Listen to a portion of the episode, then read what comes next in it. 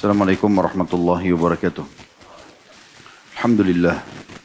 Selalu saja lisan kita memuji sang pencipta Allah. Termasuk Allah mudahkan kita untuk hadir malam ini di majlis ilmu, menghadiri sholat berjamaah maghrib dan juga insya Allah menunggu isya. Ini semua taufik dari Allah subhanahu wa ta'ala. Kalau Allah tidak inginkan, tidak izinkan, maka tentu tidak akan mungkin kita berkumpul. Maka ini sebuah nikmat yang perlu kita syukuri. Semoga Allah tambah ini menjadi tambahan amal kita pada hari kiamat dan semoga seluruh amal yang pernah kita kerjakan sampai menjelang ajal nanti yang kita kerjakan juga diterima dengan pahala yang sempurna. Dan juga semoga semua dosa kita dimaafkan oleh Allah subhanahu wa ta'ala. Dan lisan kita selalu mengucapkan Alhamdulillah ala kulli hal. Segala puji bagi Allah atas segala keadaan. Juga kita menjadikan salam hormat kita, salawat dan taslim kepada Nabi besar Muhammad sallallahu alaihi wasallam sebagaimana Allah telah memerintahkan kepada kita dan juga sebagai bentuk cinta kita kepada manusia terbaik ini.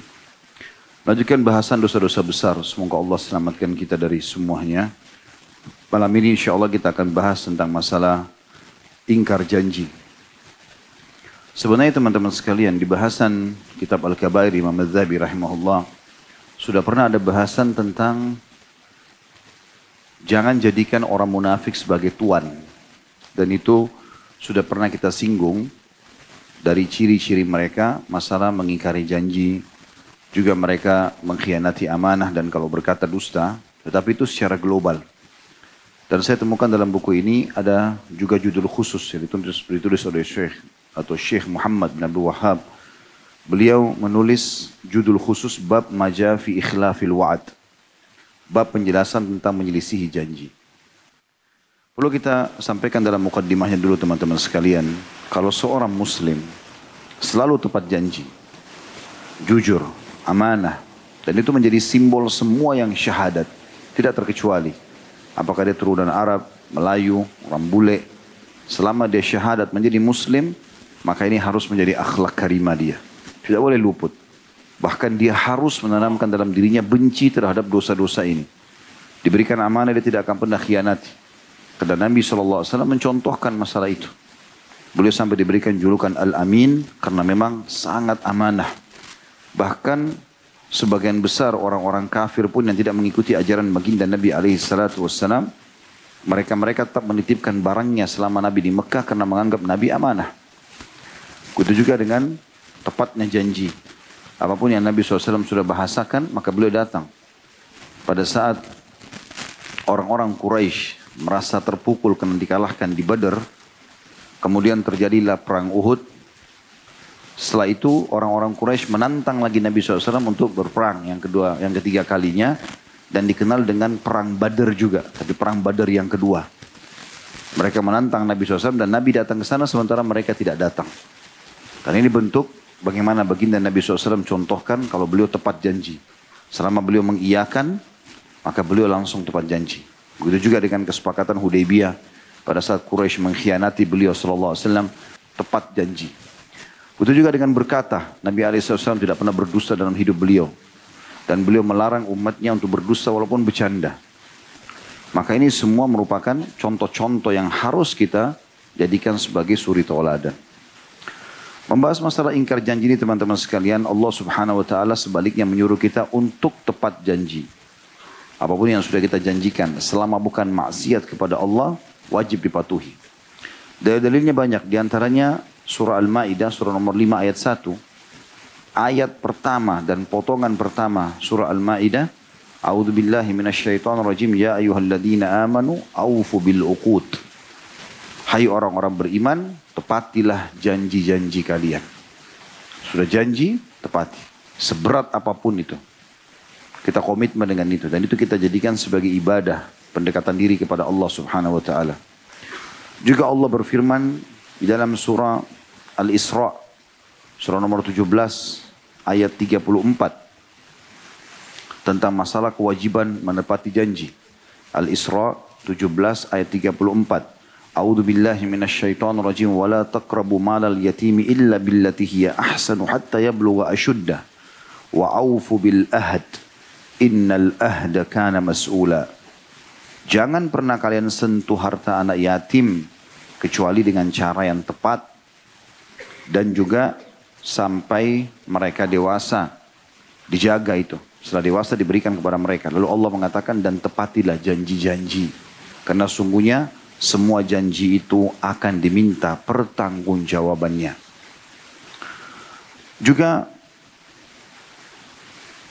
Nabi Ali salatu wassalam menyebutkan dalam sebuah hadis yang sahih riwayat Bukhari nomor 1870 dan Muslim menyebutkan di nomor 1370.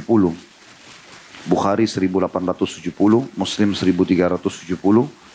Kata Nabi SAW, barang siapa yang tidak menepati janji seorang Muslim, maka dia mendapat laknat Allah, malaikat dan seluruh manusia.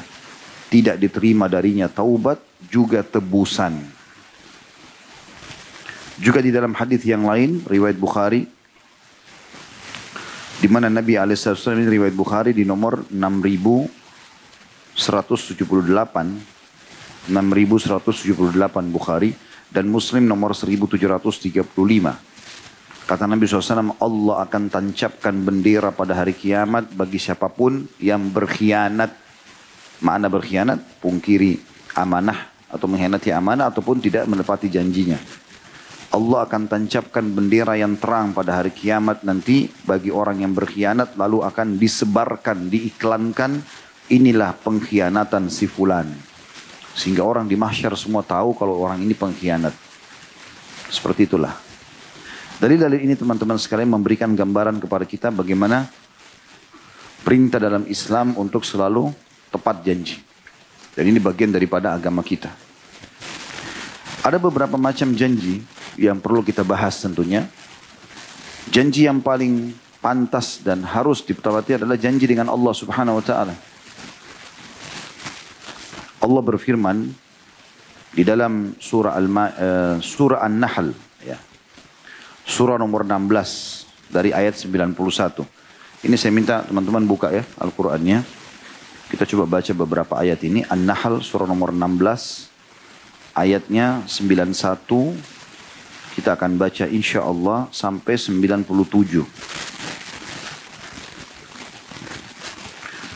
A'udhu billahi minasyaitan rajim. An-Nahl 16 ayat mulai dari ayat 91.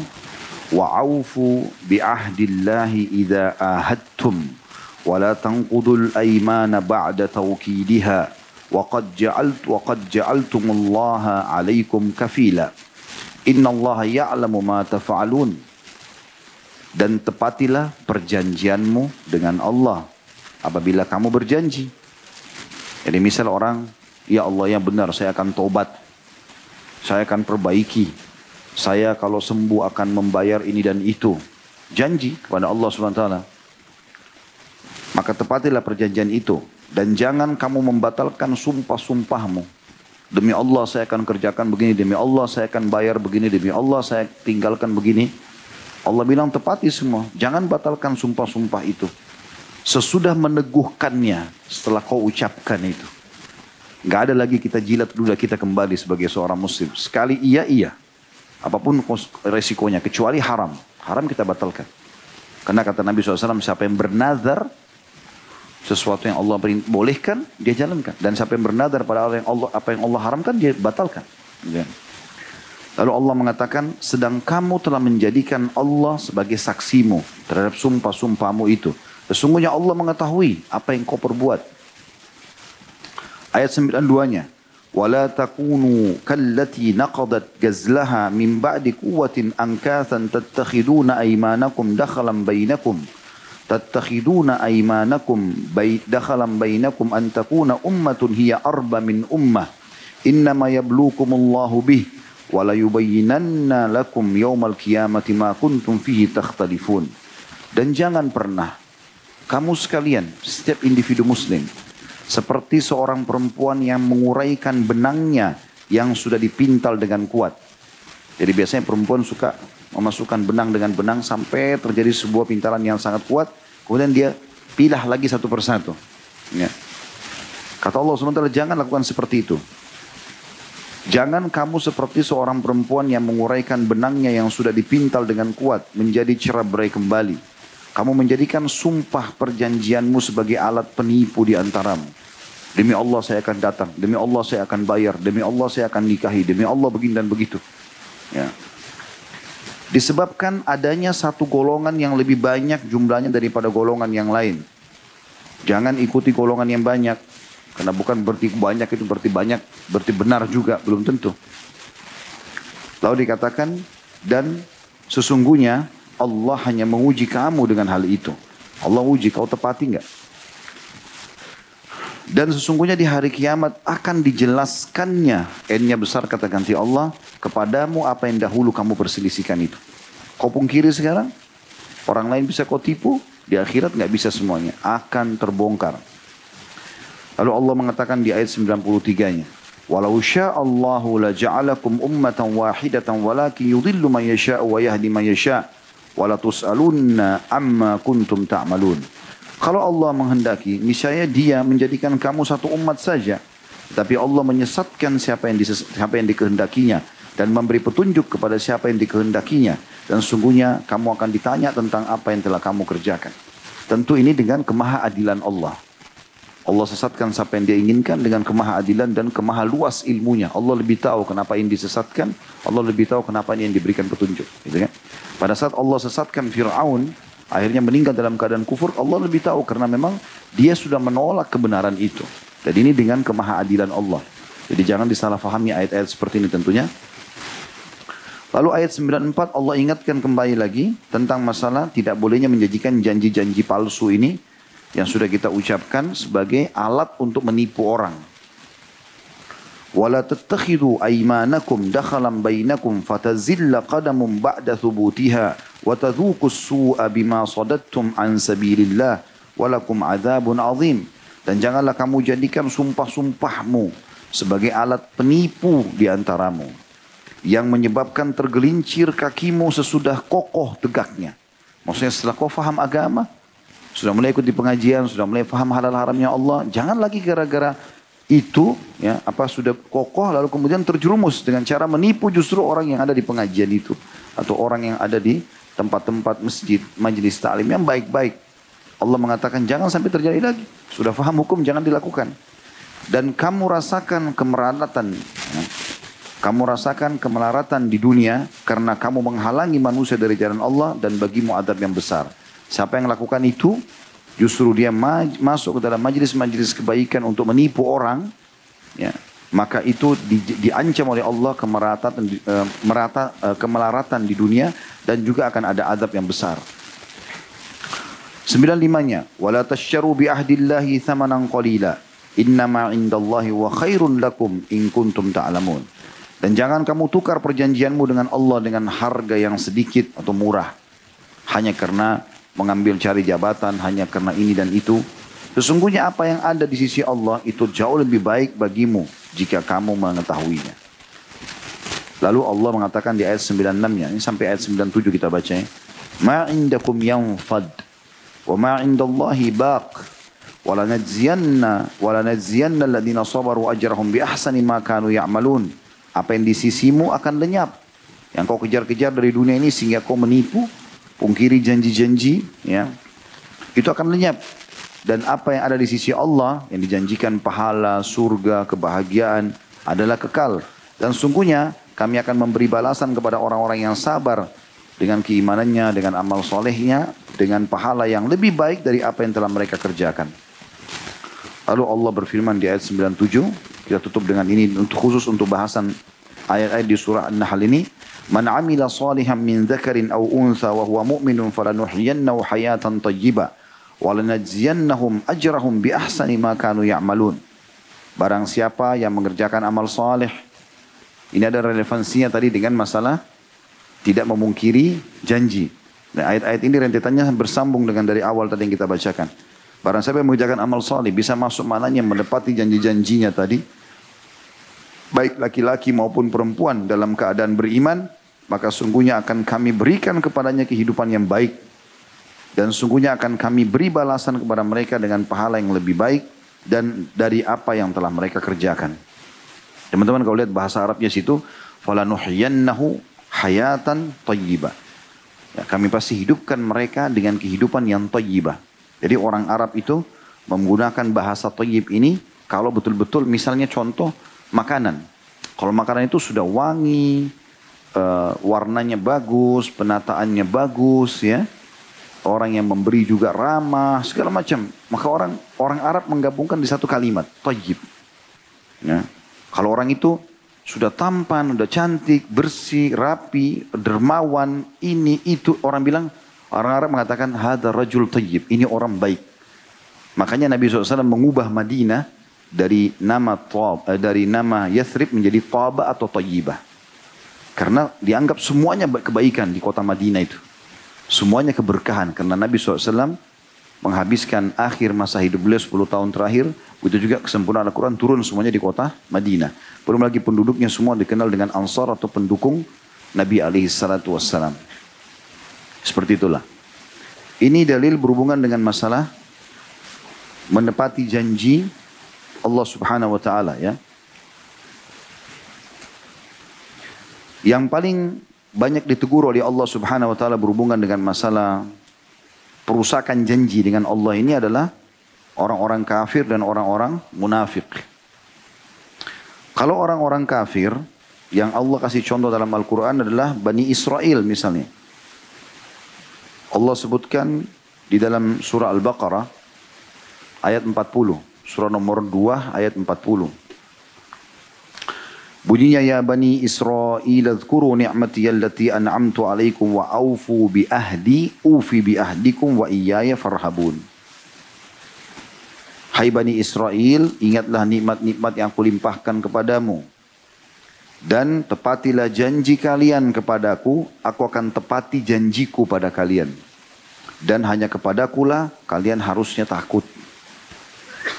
Jadi janji-janji seperti ini harus diikuti karena Bani Israel pada saat Allah Subhanahu wa taala selamatkan mereka dari kejaran Firaun, lalu Allah Subhanahu wa taala berikan semua yang mereka mau. Termasuk waktu itu mereka berkeluh kesah, minta makanan dan minta makanan tidak tanggung-tanggung, minta makanan dari langit. Allah turunkan buat mereka namanya al-manna was salwa. Makanan yang manis, yang banyak campuran kacang-kacangnya, nyaman, enak. Turun dari langit setiap hari mereka lihat. Ternyata mereka bukannya bersyukur. Mereka malah minta kepada Musa alaihissalam, minta kepada Allah agar diganti itu dengan bawang, dengan bawang putih, bawang merah, semua yang dikeluarkan dari tanah. Maka Nabi Musa bilang, kenapa kalian ya meminta sesuatu yang jelas minta digantikan sesuatu yang lebih baik kepada sesuatu yang tidak baik, kurang baik gitu. Tapi mereka seperti itu. Terus saja mereka membuat masalah-masalah sehingga Allah Subhanahu wa taala mengutuk sebagian besar mereka. Gitu kan?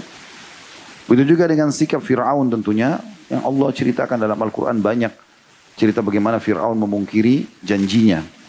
Jadi pada saat didakwahi oleh Musa AS dia nggak mau dengar, Fir'aun nggak mau dengar. Lalu Allah datangkan masalah-masalah besar. Yang pertama datang banjir. Ya, banjir besar menimpa seluruh wilayah Mesir pada saat itu. Dan mereka tidak bisa sama sekali menghilangkan banjir itu. Karena waktu itu istana Fir'aun berada di sebelah sungai Nil. Makanya dia mengatakan wahadil anharu tajri min tahti. Inilah lihat air ini mengalir di bawah kakiku untuk mengajak kaumnya supaya beriman kepada dia sebagai Tuhan. Kata banjir besar. Setelah mereka musyawarah Firaun sama para penasihat-penasihatnya, gimana caranya ini? Maka mereka mengatakan, coba kita minta kepada Musa. Mungkin Tuhannya Musa bisa hilangkan ini. Banjir mengganggu kita. Karena kita sudah coba segala macam cara, nggak bisa. Memang Sungai Nil dan Laut Merah dua-duanya menghimpit Mesir meluap. Maka yang mereka lakukan datanglah kepada Musa, satu juru bicara Fir'aun, dengan alasan mereka akan beriman kepada Allah. Kami akan beriman kepada Tuhan Hai Musa. Yang penting Tuhanmu hilangkan banjir ini. Musa bilang, benar, benar. Di depan mereka Nabi Musa AS angkat tangan. Angkat tangan, ya Allah hilangkanlah banjir ini sebagai tanda kebesaran buat rakyat Mesir. Hilang banjir itu. Beriman Fir'aun tidak. Tetap dia pungkiri janjinya sama Allah. Padahal tadi dia bilang memang dia mau beriman. Ah enggak ini banjir memang alasannya karena kebetulan memang sudah saatnya surut. Padahal tadi dia bilang akan beriman. Allah datangkan cobaan yang lain. Ya. Allah datangkan setelah banjir itu katak. Banyak sekali. Satu Mesir penuh dengan katak, ribut. Sampai di tempat-tempat tidur Fir'aun, di dalam istananya penuh semua. Maka Fir'aun berbicara sama para penasihat-penasihatnya termasuk Haman, panglima perang yang juga dijamin masuk neraka bersama Fir'aun. Gitu kan. Iya. Sampai termasuk kita dilarang untuk menggunakan nama-nama yang sudah Allah siksa begini. Fir'aun, Haman, nggak boleh pakai namanya. Itu kan. Korun. Ini orang-orang yang memang Allah SWT sudah binasakan. Ulama hadis sepakat ini tidak boleh dipakai nama-nama mereka gitu. Yang jelas kumpul lalu bermusyawarah. Kira-kira seperti apa nih? Suruh pasukan sebesar apa pun. Banyak pedang yang dipakai, anak panah tapi lawan kata. Dibunuh satu muncul seratus ekor. Nggak bisa. Penuh semua, ribut. Mereka nggak bisa tidur. Tanda-tanda kebesaran. Tujuannya hanya untuk beriman kepada Allah. Musyawarah lagi. Mau menipu lagi. Dalam majelisnya itu Fir'aun bilang lagi. Apa ini solusinya?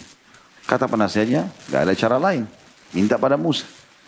Nggak ada solusi. Kita nggak bisa. Pasukan kita sebesar apa pun nggak bisa lawan kata. Nggak ada yang bisa lawan kata ini. Dibunuh satu banyak yang datang 100 ekor. Keluar terus dari sungai Nil sama Laut Merah nggak habis-habis. Baik minta. Janji. Janji akan beriman. Panggil lagi Musa alaihissalam. Musa sama Harun datang. Kami akan beriman. Mintalah kepada Tuhanmu. Ini. Bohong lagi. Nabi Musa percaya ini yang kedua kali.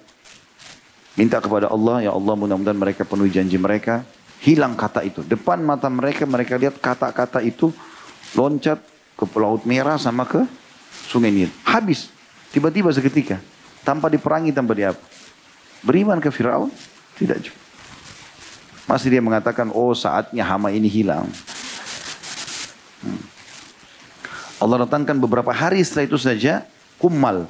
Kummal ini Allah sebutkan dalam Al-Quran itu adalah belalang ya. Kayak, serangga datang. Lalu menghabiskan semua persiapan mereka.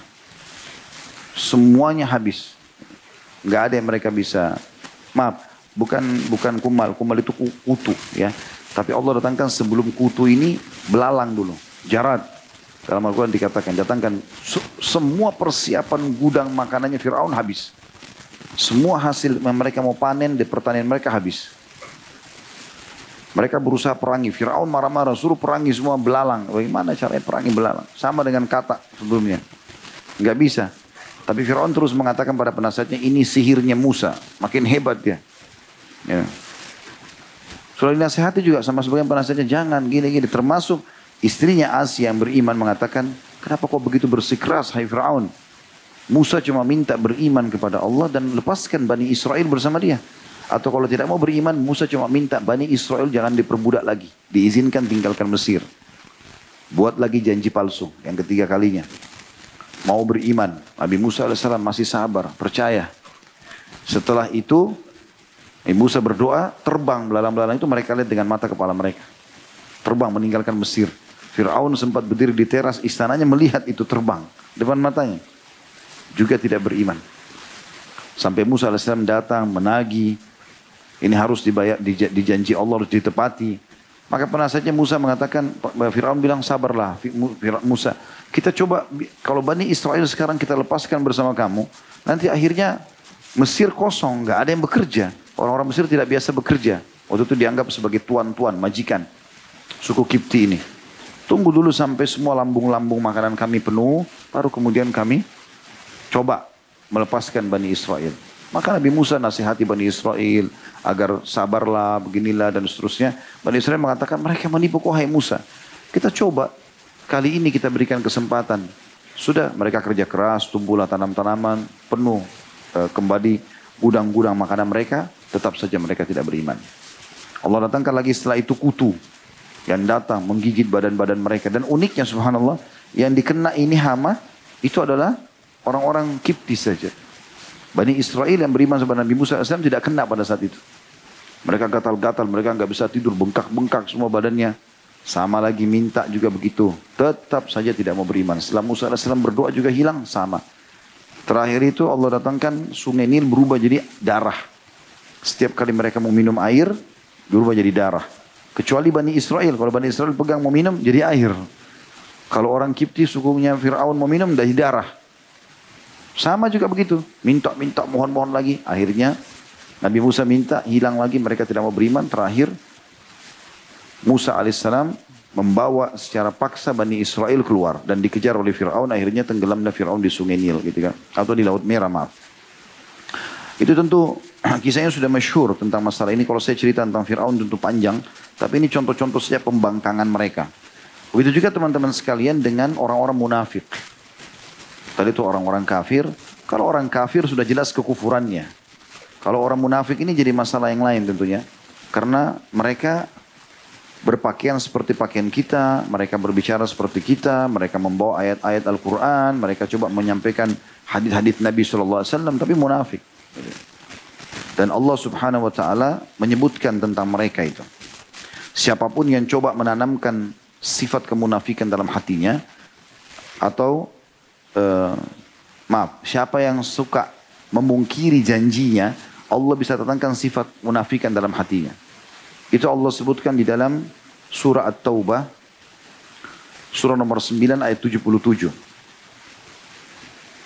Ini tentunya ada di sub ini khusus ini ya, khusus poin munafik ini ada di buku kita. Kalau yang pegang buku di halaman 57.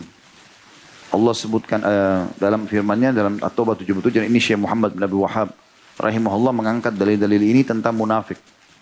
Jadi kalau kita langsung baca ini, berarti kita hanya masuk dalam salah satu substansial bahasan kita. Sekarang kita akan masuk ini membahas uh, dalil-dalil ini apa yang ditulis oleh beliau. At-Taubah 77 bunyinya A'udzubillahi minasyaitonirrajim fa'aqabahum nifaqan fi qulubihim ila yaumi ila yaumi yalqawnahu bima akhlafullaha ma wa'aduhu wa bima kanu yakdzibun. Maka Allah menimbulkan kemunafikan pada hati mereka sampai waktu mereka menemui Allah terus sampai meninggal, sampai dibangkitkan mereka tidak tidak yakin dengan Allah karena mereka telah memungkiri terhadap Allah apa yang telah mereka janjikan kepadanya dan juga karena mereka selalu berdusta. Jadi janji-janji saja, iya saya akan beriman, iya akan saya jalankan dan seterusnya, tapi ternyata semuanya dusta. Gitu. Dan juga sudah masyhur sekali hadis Nabi SAW, di situ ada disebutkan setelahnya oleh penulis hadis Bukhari Muslim dari Abu Hurairah radhiyallahu anhu bahwasanya Rasulullah SAW bersabda ayatul munafiki thalath idza haddatha kadzab wa idza wa'ada akhlaf wa idza tumina khan. Tanda-tanda orang munafik ada tiga. Jika berbicara berdusta, jika berjanji menyelisihi, jika diamanahi berkhianat. Siapa yang punya salah satu sifat ini berarti ada tanda-tanda kemunafikan padanya. Tapi belum difonis dia munafik. Dia mendekati sikap-sikap orang munafik karena mereka pasti dusta. Kalau berbicara, mereka pasti pungkiri janji. Kalau berjanji, mereka pasti khianat kalau diberikan amanah. Itu sifat orang munafik. Tapi kalau ada empat hal, tiga ini ditambah satu lagi, di hadis yang setelahnya, kalau empat-empatnya ada pada seseorang, pastikan dia munafik tulen. Iya, begitu kata Nabi SAW. Perhatikan hadis setelahnya. Dari Ibnu Amr. Abdullah bin Amr radhiyallahu anhu secara marfu' arba'un man kunna fihi kana munafikan khalisa. Wa man kanat fihi khasratun minhunna kanat fihi khasratun minan nifaqi hatta yada'aha. Idza tumina khan wa idza haddatha kadab wa idza ahada ghadar wa idza khasama fajar empat perangai empat hal barang siapa perangai-perangai itu ada padanya empat-empatnya ada sama dia maka dia adalah seorang munafik yang tulen Maknanya sampai dia tobat. Dipastikan dia munafik. Dan barang siapa yang ada padanya salah satu dari perangai itu, maka berarti ada padanya salah satu dari perangai kemunafikan. Belum munafik, tapi salah satunya sifat kemunafikan sudah ada padanya. Kalau empat-empat berkumpul, pasti dia munafik. Nabi SAW suruh kita menegaskan masalah itu. Dikatakan sampai dia meninggalkannya. Taubat. Yang pertama jika diberi amanah berkhianat. Ya. Subhanallah ada banyak ini yang terjadi. Di kantor-kantor, di mana-mana terjadi ada orang begini. Bahkan berkumpul padanya empat-empat ini. Ya. Diberikan amanah, khianat. Amanah jam kerja, amanah perangkat-perangkat kantor, amanah macam-macam. Sampaikan apa, beli ini, beli itu. Dan segala macam hal dikhianati. Jika berbicara berdusta, suka membolak-balikkan. Fakta ini, fakta itu, dusta. Jika mengadakan perjanjian melanggar. Ya. Dan ini sudah masyur tentunya yang kita sedang bahas perjanjian. Janji apa pun. Saya akan kerjakan, saya akan lakukan, saya akan begini, saya akan beri. Dan jika ini tambahannya, jika berselisih melampaui batas. Kalau dia khilaf dengan orang, maka dia berusaha mencari seribu satu jalan untuk mencelakakan rivalnya. Walaupun dia salah. Maka itu diistilahkan dengan wa idha sama fajar. Kalau dia berbuat, ya, berdebat, berselisih, maka dia fajar, berbuat kecurangan.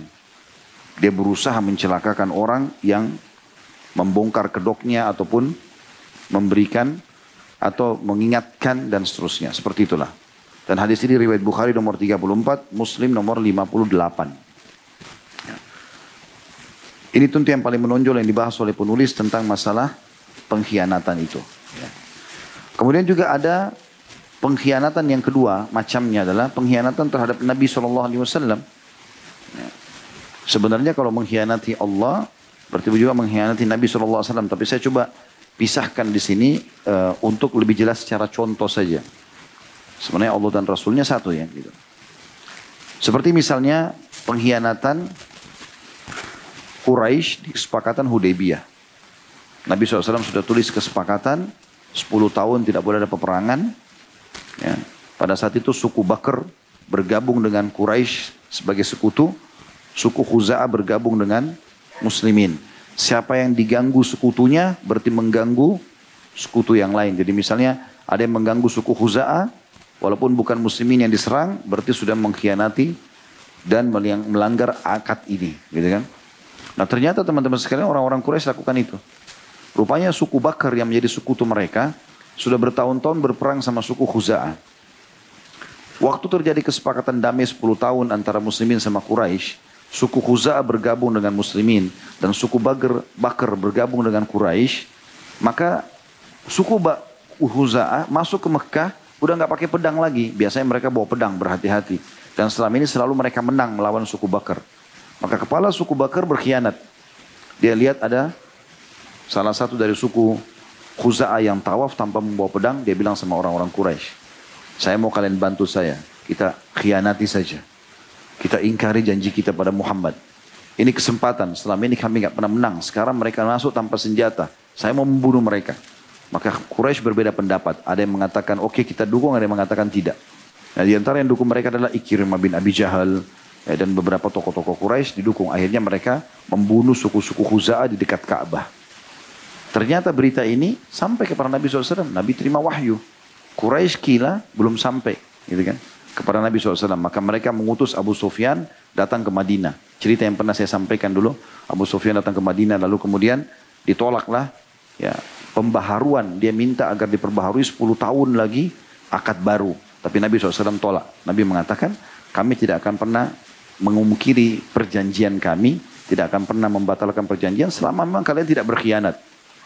Maka pada saat itu pun mereka berkhianat. Dan akhirnya Nabi SAW memerangi Quraisy karena itu. Begitu juga dengan tiga suku Yahudi yang sudah sering kita sampaikan, Kainuka, Nadir, dan Quraidah. Tiga-tiganya ini telah berkhianat kepada Nabi SAW. Kalau Kainuka berkhianat karena Nabi SAW sepakat untuk tidak saling mengganggu. Ternyata ada satu perempuan muslimah lagi belanja di pasar mereka. Lalu pemilik toko minta agar dibuka cadarnya, tapi muslimah ini tidak mau. Pada saat duduk ditaruhlah besian tajam di, di kursinya, di tempat duduk. Lalu pada saat perempuan ini berdiri terbuka auratnya. Lalu mereka tertawa-tawa. Maka datang seseorang sahabat yang lewat di situ menghenuskan pedang dibunuhlah si pemilik toko. Rupanya si sahabat ini dikeroyoki oleh orang-orang Yahudi di pasar. Muslimah ini pulang melapor kepada Nabi SAW. Lalu Nabi menerima wahyu kalau itu benar. Nabi langsung kepung suku Kainuka. Minta orang-orang yang membunuh muslim tadi dalam toko itu. Mereka nggak mau maka diusir dari Madinah. Karena mereka di sini membatalkan perjanjian mereka. Mereka bukan tidak boleh menyerang, tapi mereka menyerang. Begitu juga dengan suku Nadir yang berusaha membunuh Nabi SAW dengan melempar batu dari atas rumah. Maka Nabi SAW dapat wahyu lalu Nabi pulang ke Madinah, bentuk pasukan mengepung suku mereka. Pemukiman mereka lalu minta, itu yang di atas rumah yang mau lemparin batu saya tadi, serahkan.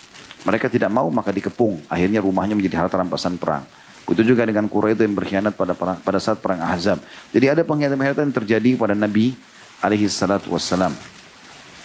Tentu ini secara interaksi Nabi SAW sama orang-orang kafir ya. Begitu juga dengan kaum munafikin. Mereka banyak sekali memungkiri janji-janji Nabi SAW mereka sudah berjanji mau beriman, mereka berjanji mau ikut perang. Waktu perang Uhud mereka keluar ternyata 300 orang mereka pulang meninggalkan pasukan muslimin. Dan banyak sekali yang mereka lakukan, sebarkan isu macam-macam gitu. Kemudian juga mereka selalu kalau ditanya, kami cuma bercanda, kami cuma main-main, kan cuma bercanda, masa dimarahin gara-gara itu gitu. Sampai akhirnya turun firman Allah subhanahu wa ta'ala dalam surah At-Taubah, Qul abillahi wa ayati wa rasuli kuntum tastahzi'un, la ta'tadiru kafartum ba'da imanikum. Apakah kepada Allah, Rasulnya dan kitabnya kalian berolok-olok, maka jangan minta maaf, kalian telah kufur setelah kalian beriman. Itu juga dengan sekalian tentang uh, yang ketiga, ingkar janji muslim ya, kepada muslim yang lain. Ini tidak boleh. Beranjak daripada hadis tadi yang kita bacakan di awal. Riwayat Bukhari Muslim itu. Kata Nabi SAW, barang siapa yang tidak mendapati janji seorang muslim, dia udah janji, maka dia mendapat laknat Allah. Diangkat berkah hidupnya. Malaikat dan seluruh manusia. Tidak diterima darinya taubat juga tebusan. Ya, maksudnya tidak terima taubat di sini adalah kalau memang dia tidak mau bertobat, ya, dia tunda-tunda, dia tidak segera, maka saya tidak di hari kiamat tidak akan diterima taubatnya. Maka ini harus dipenuhi tentunya apa pun itu sifatnya. Banyak contoh-contohnya. Misal janji mau datang. Ya saya akan datang. Kita sudah janji sama seorang muslim. Datang. Ada uzur telepon. Minta maaf saya belum bisa karena saya sakit saya begini. Jangan tiba-tiba nggak datang gitu. Ya. Begitu juga dengan janji pernikahan. Janji orang mau nikah, ya nikahi. Gitu kan? Nggak boleh tidak. Kecuali haram. Gitu kan? Dan kalau tidak bisa bahasakan. Janji itu sudah saya tarik, saya nggak bisa jalankan karena udur saya begini dan begitu. Itu juga dengan janji untuk membayar utang. Saya akan bayar utang di akhir bulan. Ternyata nggak bayar. Gitu kan? Ini ingkar janji semuanya. Contoh yang ketiga. Contoh yang keempat, janji akan memberi. Saya akan berikan kamu begini dan begitu. Kalau saya dapat warisan saya akan bagi. Kalau saya dapat pekerjaan saya akan begini. Tapi setelah dapat dilupakan semuanya. Gitu kan. Kemudian yang kelima, janji pemimpin kepada masyarakat. Ya. Apa pun yang dijanjikan harus dipenuhi. Kita janji sama satu orang saja, kemudian kita tidak penuhi, maka itu sudah cukup dihabiskan pahala kita hari kiamat. Apalagi kalau satu kota, satu negara, banyak sekali. Saya akan lakukan begini dan begitu. Ternyata nggak dilakukan. Dan itu, ini bahaya sekali. Kecuali memang dia sempat menyampaikan yang saya janjikan kemarin pada tahun lalu, dua tahun lalu, empat tahun lalu, saya nggak bisa jalankan karena anggaran tidak ada, keterbatasan SDM dan seterusnya dibahasakan, maka saya melepaskan diri dari janji itu. Misal, tapi kalau enggak, maka semua ada tanggung jawabnya hari kiamat. Dan ada hadis itu ya. Siapa yang kata Nabi SAW, siapa yang diberikan oleh Allah kemudian memimpin umatku atau umat ini, lalu dia jujur dengan mereka, dia jalankan janji-janjinya, maka ya Allah lapangkan rezekinya, mudahkan urusannya. Dan siapa pun yang diberikan amanah lalu umat ini lalu mereka lalu dia mengkhianatinya, maka sempitkan hidupnya, susahkan dan seterusnya. Nabi SAW mendoakan seperti itu. Yang keenam sebaliknya janji masyarakat kepada pemimpin. Kami akan patuh, kami akan begini, kami akan begitu. Harus dipatuhi. Gak bisa enggak. Ya. Dan tidak boleh kita melakukan pemberontakan. Karena ini memang ada hak kepemimpinan. Tidak boleh menghina. Sudah sering kita bahasakan itu. Bahkan Abdullah bin Umar punya statement yang menarik. Nahnu ma'aman ghalab. Kami akan selalu bersama kepada pemimpin yang sudah menang. Itu bahasa Abdullah bin Umar dulu. Gitu kan. Saya sarankan teman-teman bisa baca buku judulnya bagaimana kalau penguasa zalim. Jadi bisa tahu dalil-dalil banyak sekali di situ. Apa yang harus dilakukan oleh seorang muslim gitu kan. Baik, selanjutnya yang ketujuh janji pemilik perusahaan kepada bawahannya. Kalau kerja prestasi saya akan dapat kasih ini, kasih ini, kasih ini. Kalau omset perusahaan sampai begini saya akan kasih ini. Janji. Ini harus ditepati semua. Bahkan tidak boleh sama sekali menunda pembayaran gaji pegawai. Kata Nabi SAW, bayarlah gaji mereka sebelum keringatnya kering. Janji tanggal 30, tanggal 30, nggak boleh lebih. Lebih harus minta maaf, haknya mereka. Begitu juga dengan semua macamnya, bonus-bonus dan segala macam. Kemudian yang kedelapan sebaliknya, janji pegawai kepada pemilik perusahaan. Kita pada saat tanda tangan, sudah sepakat sama HRD di kantor, lalu tanda tangan, kita akan begini dan begitu. Ya kan? Saya akan tepat waktu, saya akan kerjakan ini, pekerjaan saya 1, 2, 3, 4, 5, ini target saya, wajib dipenuhi. Gak bisa, supaya lepas tanggung jawab hari kiamat, minta keridoannya, kalau dia tidak mau, kita hanya bisa mengambil upah sesuai yang sudah kita kerjakan. Persentase yang kita kerjakan 30% itu hak kita. Selebihnya kita nggak punya hak untuk ambil. Ya, karena ini banyak orang aneh ini. Sudah pekerjaan tidak dipenuhi apa yang dijanjikan, keluar dari kantor ambil segala macam dari kantor mencuri. Ini semua hal-hal yang berbahaya.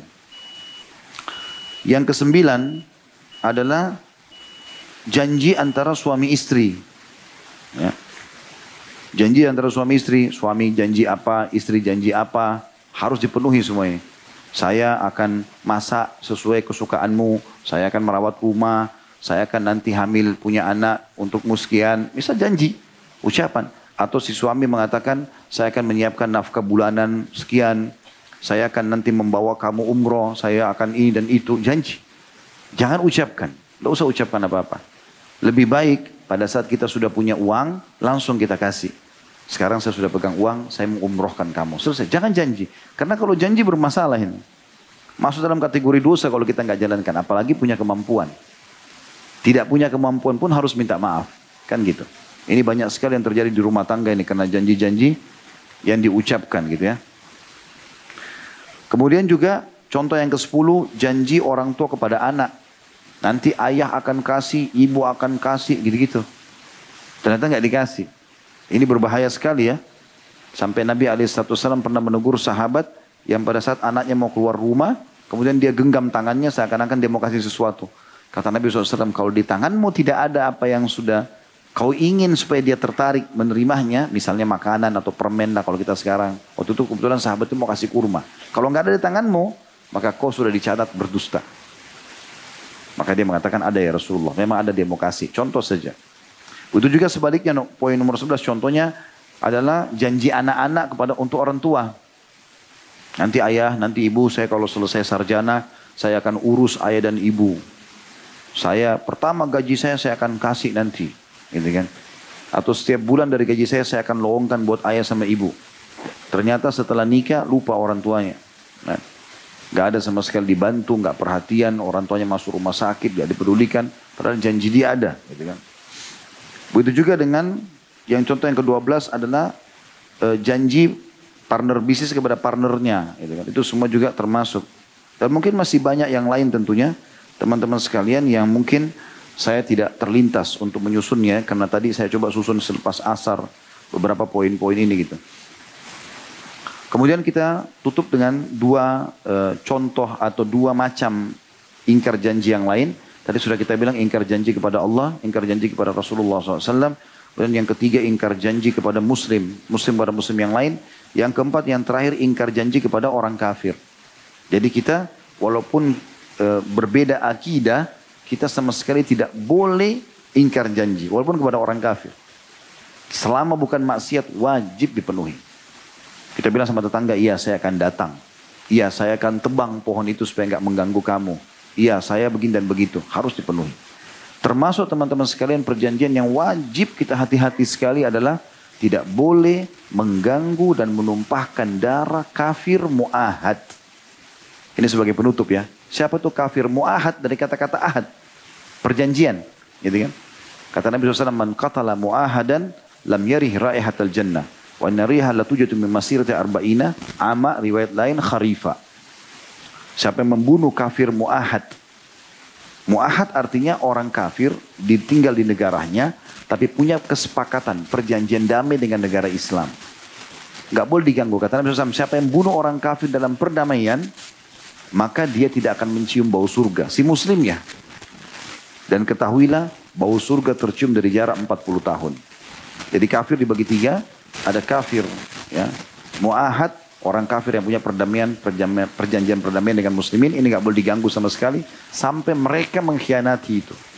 Itu pun pemimpin kita yang menunaikan atau memerintahkan untuk menyerang misalnya. Kalau enggak, enggak boleh. Yang kedua kafir dhimmi, orang kafir yang tinggal di bawah pemerintah muslim. Ini juga nggak boleh diganggu. Kata Nabi SAW, Man ada dhimmiyan kuntulahu khasiman yawmal qiyamah. sampai menyakiti demi dia akan jadi musuhku hari kiamat. Jadi kita nggak boleh ganggu. Sama-sama warga negara Indonesia kita harus menghormati mereka. Masalah agama, lakum dinukum waliyadin. Tapi masalah sosial, masalah yang lain, ini kita sama-sama semuanya. Tetangga kita, kita buat baik, kita menjenguk mereka kalau sakit, orang tua kita kafir, kerabat kita, kita tetap silaturahim dan seterusnya. Tinggal yang terakhir kafir harbi. Orang kafir yang keluar memang dengan senjata untuk memerangi muslimin. Kasus waktu orang Quraisy datang ke Badr, orang Quraisy keluar ke Uhud, menyerang Uhud, datang Ahzab. Mereka datang dengan pasukan perang lalu kita hadapi mereka. Nah ini mereka boleh dibunuh, boleh diperangi. Tapi Nabi SAW pesankan, Allah memerintahkan kalian berbuat kebaikan dalam setiap keadaan. Kalau kalian bunuh-bunuhlah dengan cara yang baik. Kalau kalian menyembeli, menyembeli dengan cara yang baik. Dan ingat, tajamkan pisau kalian dan tenangkan sembelihan kalian. Ini masalah sembelihan hewan. Kalau manusianya tusuk, selesai. Nggak boleh ada mutilasi, nggak boleh dibakar dan seterusnya. Itu pun di saat kita boleh membunuh, gitu kan? Seperti itulah. Selama mereka masih minta perdamaian, sudah terjadi peperangan, kita terima.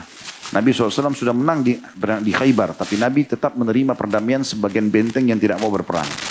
Allahu Akbar.